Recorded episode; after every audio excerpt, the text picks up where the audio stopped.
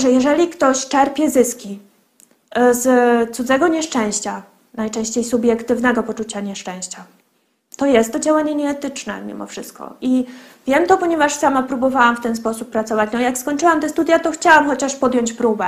I w ramach wolontariatu próbowałam to robić i tak się czułam, że przychodzą do mnie ludzie, zalewają mnie bardzo dużą ilością swoich problemów. Ja nie z każdym z tych problemów muszę empatyzować. To są dla mnie obce osoby. I tak jak jestem osobą bardzo mocno otwartą osobowościowo, w związku z tym dopuszczam, że mogą się w życiu ludzkim dziać naprawdę mega niepopularne społecznie rzeczy, tak? krytykowane społecznie rzeczy, że ludzie mogą przekraczać już normy i tak dalej, że mogą mieć specyficzne, niepopularne odczucia, myśli i tak dalej, więc na, no, na, w ten sposób ja jestem w stanie jakby wysłuchać każdej osoby.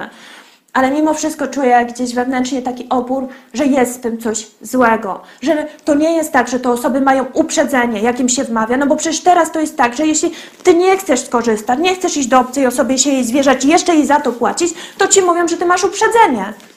Bo się będą z ciebie śmiać, że ty korzystasz z pomocy psychologicznej psychiatrycznej. Przecież cały wiek XX promowano taką pomoc. To już jest któreś pokolenie, które dorasta z tym, że cały czas się mówi, to idź do psychologa, idź do psychiatry. Od, w Polsce co najmniej od 30 lat jest to promowane w każdym serialu, w, każdej, w każdym programie, w każdej książce. Więc przepraszam, ale mówienie o tym, że jeśli my tego nie chcemy, to jesteśmy uprzedzeni, jest po prostu nie fair. Według mnie to jest naturalny mechanizm. Obca osoba może ci zrobić po prostu krzywdę. Nawet nieświadomie może ci zrobić tą krzywdę, a ty jesteś w momencie, kiedy jesteś najsłabsza, no bo kiedy się idzie? No wtedy, kiedy się człowiek już ledwo trzyma. Każda krytyka jest odbierana jak atak na osoby, które czują się kiepsko psychicznie. Jeszcze o jednym może moim doświadczeniu opowiem, ponieważ właśnie ja miałam do czynienia z przypadkami najcięższymi. Czyli z przypadkami osób, które przebywają na przykład na rencie psychiatrycznej właśnie z powodu no, zaburzeń takich schizofrenicznych. E, z osobami, które cierpią, bo mają halucynacje, z y, osobami, które cierpią, bo mają urojenia, których mózg powoduje, że na przykład nie śpią ileś dób, ponieważ cały układ nerwowy jest tak pobudzony w wyniku tych imaginacji, które one y, jakby, które ich mózgi produkują, tak? bo tak by można było to chyba określić. Ja pisałam pracę magisterską na ten temat. E, ja y, działałam w stowarzyszeniu właśnie rodzin pacjentów chorujących na schizofrenię. E, no i po prostu też tam spotykałam się z tym, no jakie są realne możliwości wtedy, kiedy dochodzi do prawdziwej tragedii.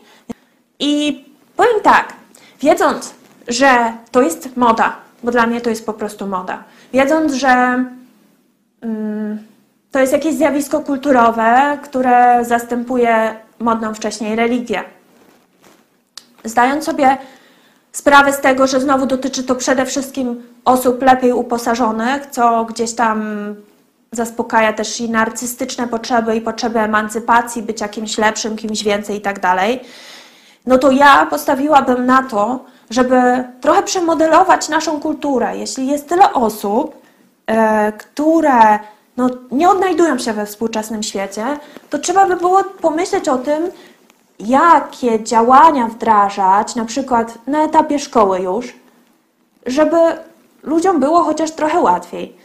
Żyjemy w wielkich skupiskach ludzkich, myślę, że to jest taki podstawowy czynnik, a nie w malutkich wioskach, gdzie wszyscy się znają.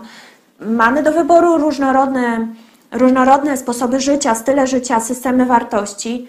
To też jest chyba jakiś taki. E, czynnik, który powoduje, no, że, że, że ludzie, którzy oczekują jednak jaśniejszych wskazówek, mają problem, bo nie wiedzą, jak żyć, co wybrać, tak?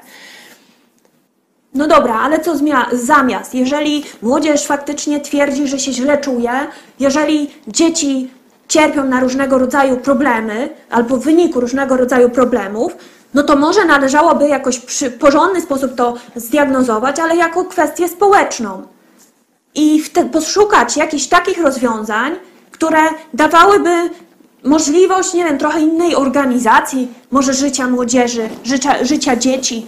Takiej organizacji, która, nie wiem, dawałaby szersze pole realizacji zainteresowań w grupach, które są połączone przyjaźnią, są połączone jakimś hobby, są połączone pracą nad wspólnymi projektami.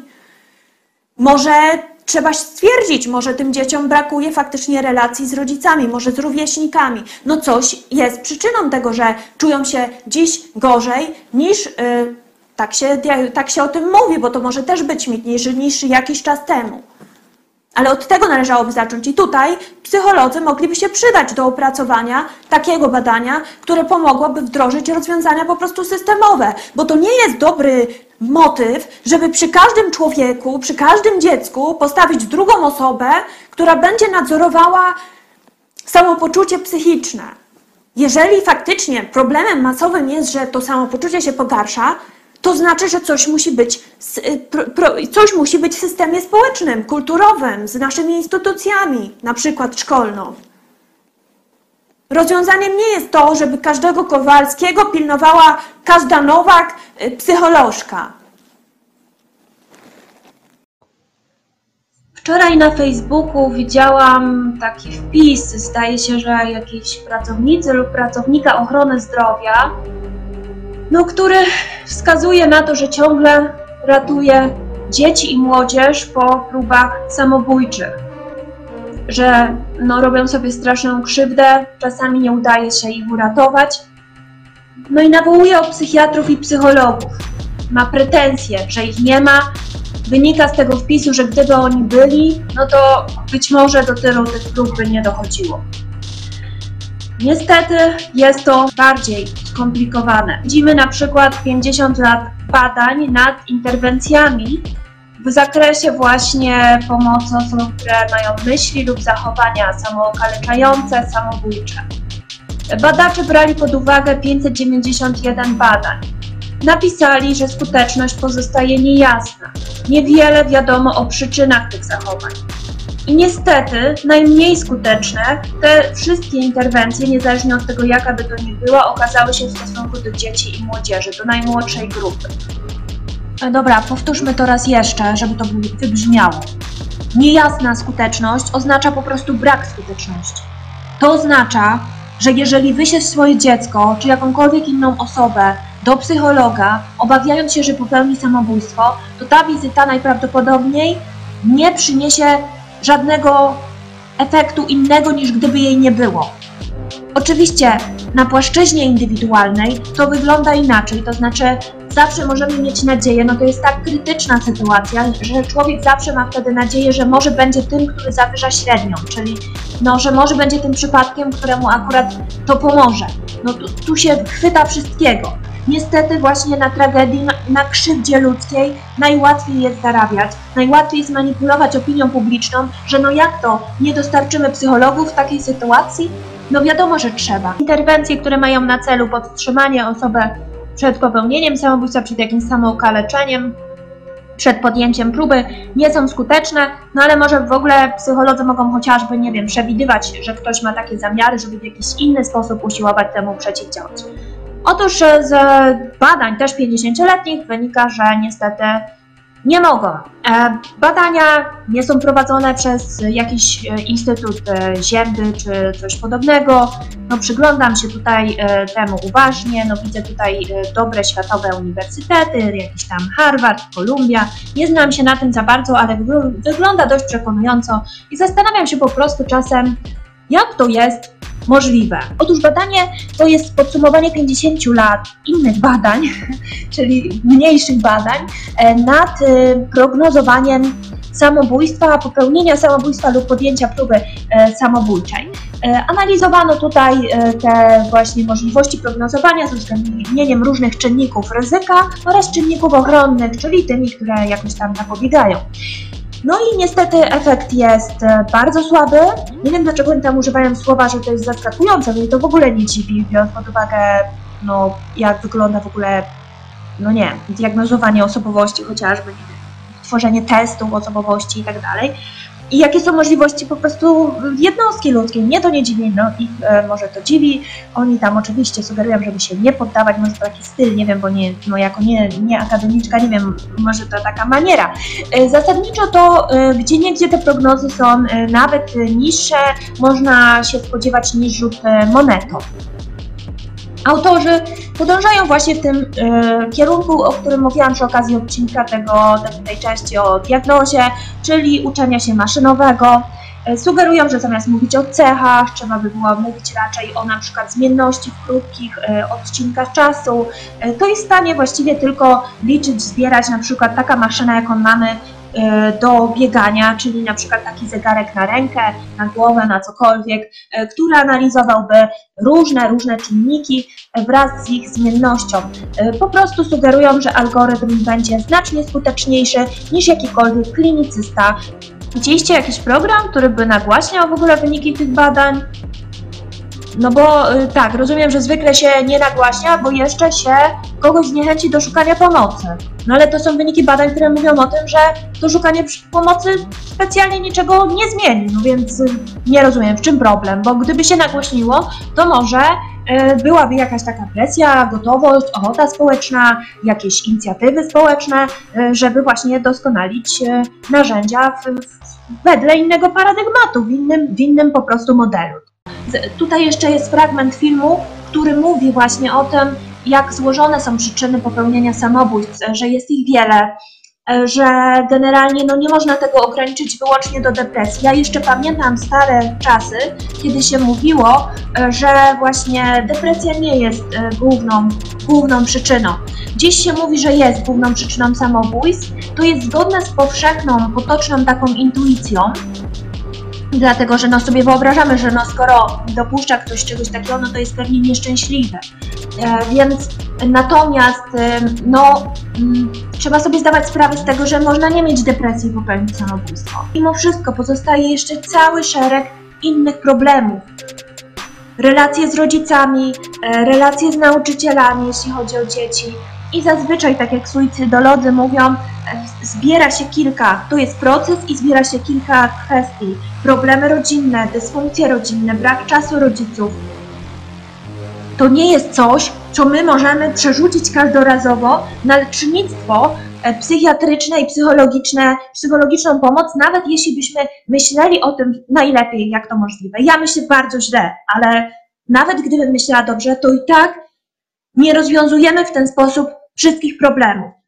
A panie profesorze, bo pan y, y, zwrócił uwagę na ten element, czynnik psychologiczny, czyli pewne problemy y, psychologiczne młodzieży. Natomiast czy to jest jedyny czynnik? Czy, czy coś No jeszcze... Nie, mi się zdaje, ja ro- rozpatruję e, problemy etiologii, czyli przyczyn samobójstwa nieletnich na jakby trzech poziomach. Mhm. Pierwszy poziom to jest rodzina, drugi poziom to jest szkoła i trzeci poziom to jest środowisko rówieśnicze. Jeżeli chodzi o rodzinę, to zjawisko patologizacji rodziny połączone często z alkoholizmem jednego z rodziców czy obojga rodziców jest, jest to bardzo poważny czynnik suicydogenny. Czyli młody człowiek, Młody nie, nie człowiek mając nie ma, wsparcia... Tak, nie ma, nie ma wzorców, nie ma oparcia w rodzinie. I, i to właściwie jest y, powodem także przystępowania młodych ludzi do gangów. Mhm. Bo w rodzinie nie znalazł sobie miejsca, a w gangu ma określoną rodzinę. pozycję, Mhm. pozycję społeczną. Każdy się z nim liczy, ma określone zadania. Teraz zaniedbania ze strony rodziców. Rodzice bardziej dbają współcześnie o swoją karierę zawodową, a w ogóle y, wychowanie dzieci powierzają często ulicy i, i środowisku rówieśniczemu. Także trzeba wskazać na tak zwane krótkie spięcia w relacjach, tak, reakcja krótkiego spięcia w relacjach dzieci z rodzicami, gdy dzieci obawiają się kary ze strony rodziców, ponieważ rodzice stawiają dość wysokie wymagania. Musisz mieć piątki, musi być silny, musisz nie dać się y, niszczyć y, przez kolegów. I ta reakcja krótkiego spięcia często powoduje, Nie spełnia nadziei. tak, że to- to- to dziecko młody człowiek. nie wytrzymuje tego napięcia, tej presji, presji. ze strony rodziców i, popełnia, i popełnia samobójstwo.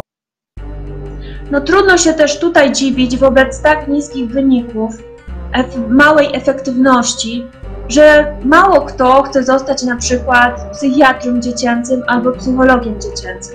To zresztą często, kiedy się toczą dyskusje o farmakoterapii, na przykład w depresji, czy o psychoterapii, no to się, to, to właśnie w odniesieniu do dzieci i młodzieży ta efektywność jest najmniejsza. Wiadomo jednak, że no, trzeba robić wszystko i próbować wszystkiego, nawet jeśli by to miało kilka procent skuteczności. W związku z tym, no ja widzę rozwiązanie takie, żeby faktycznie ułatwić specjalizację. W związku z tym, że no niewiele można, no to może nie trzeba tak dużo się uczyć wiele lat, tylko może takie specjalizacje mogliby robić w przyspieszonym tempie lekarze innych specjalizacji, tak? Szczególnie na jako, w jakiś sposób pokrewnych, nie wiem, jak neurolog chociażby. Trzeba by było po prostu ułatwić, rozszerzyć dostęp do zawodu. Być może specjal, specjalność też psychologii dziecięcej mogłaby być prowadzona jako studia podyplomowe po pedagogice chociażby. To, to jest jakieś rozwiązanie, bo możemy oczywiście dmuchać i mówić, że tam się dzieje nie wiadomo co i nie wiadomo czego trzeba się nauczyć, podczas gdy potem się okazuje, że no co z tego, że oni się uczą 10 lat, jak naprawdę niewiele mogą.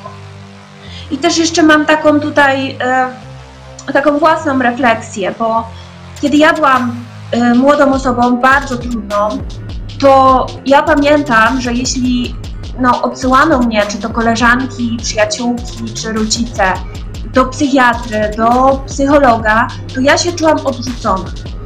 I może warto się zastanawiać nad tym czasem, czy no w każdym przypadku, czy nie jest tak, że w niektórych przypadkach gdzieś tam jednak tą odpowiedzialność się przerzuca. Ale do tego, żeby też wiedzieć, jak na pewno to jest, no to potrzebne by były szersze badania, które skoncentrowałyby się właśnie na tym, żeby zdiagnozować, co się dzieje z młodzieżą. Trzeba tu oczywiście też pamiętać o tym, że są, tak jak w przypadku chorób somatycznych, tak samo chorób psychiatrycznych są tragedie. Tragedią jest, kiedy no, choroba okazuje się tak poważna, że nic się nie daje zrobić. Tak też bywa. Ludzie takiej sytuacji nie znoszą, zawsze szukają winnych. Winnych tego, że coś się dzieje. Winna, winny jest jeszcze niedostateczny rozwój nauki. Jeśli chcemy to zmienić, to inwestujmy w badania. Róbmy wszystko, żeby na przykład młodzi ludzie, którzy w miarę dobrze się czują, mają możliwość, żeby szli na studia po to właśnie, żeby prowadzić prace badawcze. Żeby rozwijać dziedziny, zamiast na przykład zajmować się prowadzeniem terapii i wmawianiem innym, że to jest super skuteczne dla każdego i że to jest super naukowa metoda. Tutaj jeszcze takie przykładowe wyniki badania nad e, skutecznością szybkiej interwencji, e, takiej kryzysowej interwencji psychologicznej po jakimś traumatycznym zdarzeniu. Okazało się, że tego typu interwencje mogą nawet pogorszyć stan w porównaniu e, z brakiem albo z takim działaniem edukacyjnym po wydarzeniu. Tych przeglądów już sporo opublikowano, no i faktycznie panuje zgoda, że paradoksalnie, wbrew temu, co by nam się wydawało, niesienie pomocy tutaj na siłę może jeszcze tylko zaszkodzić, a nie pomóc. To też jest dość e, jakby istotne, ponieważ teraz cokolwiek się nie wydarzy, to się właśnie zaleca psychologa. Oczywiście chce się dobrze, ale to naprawdę nie w każdym przypadku musi być dobry pomysł.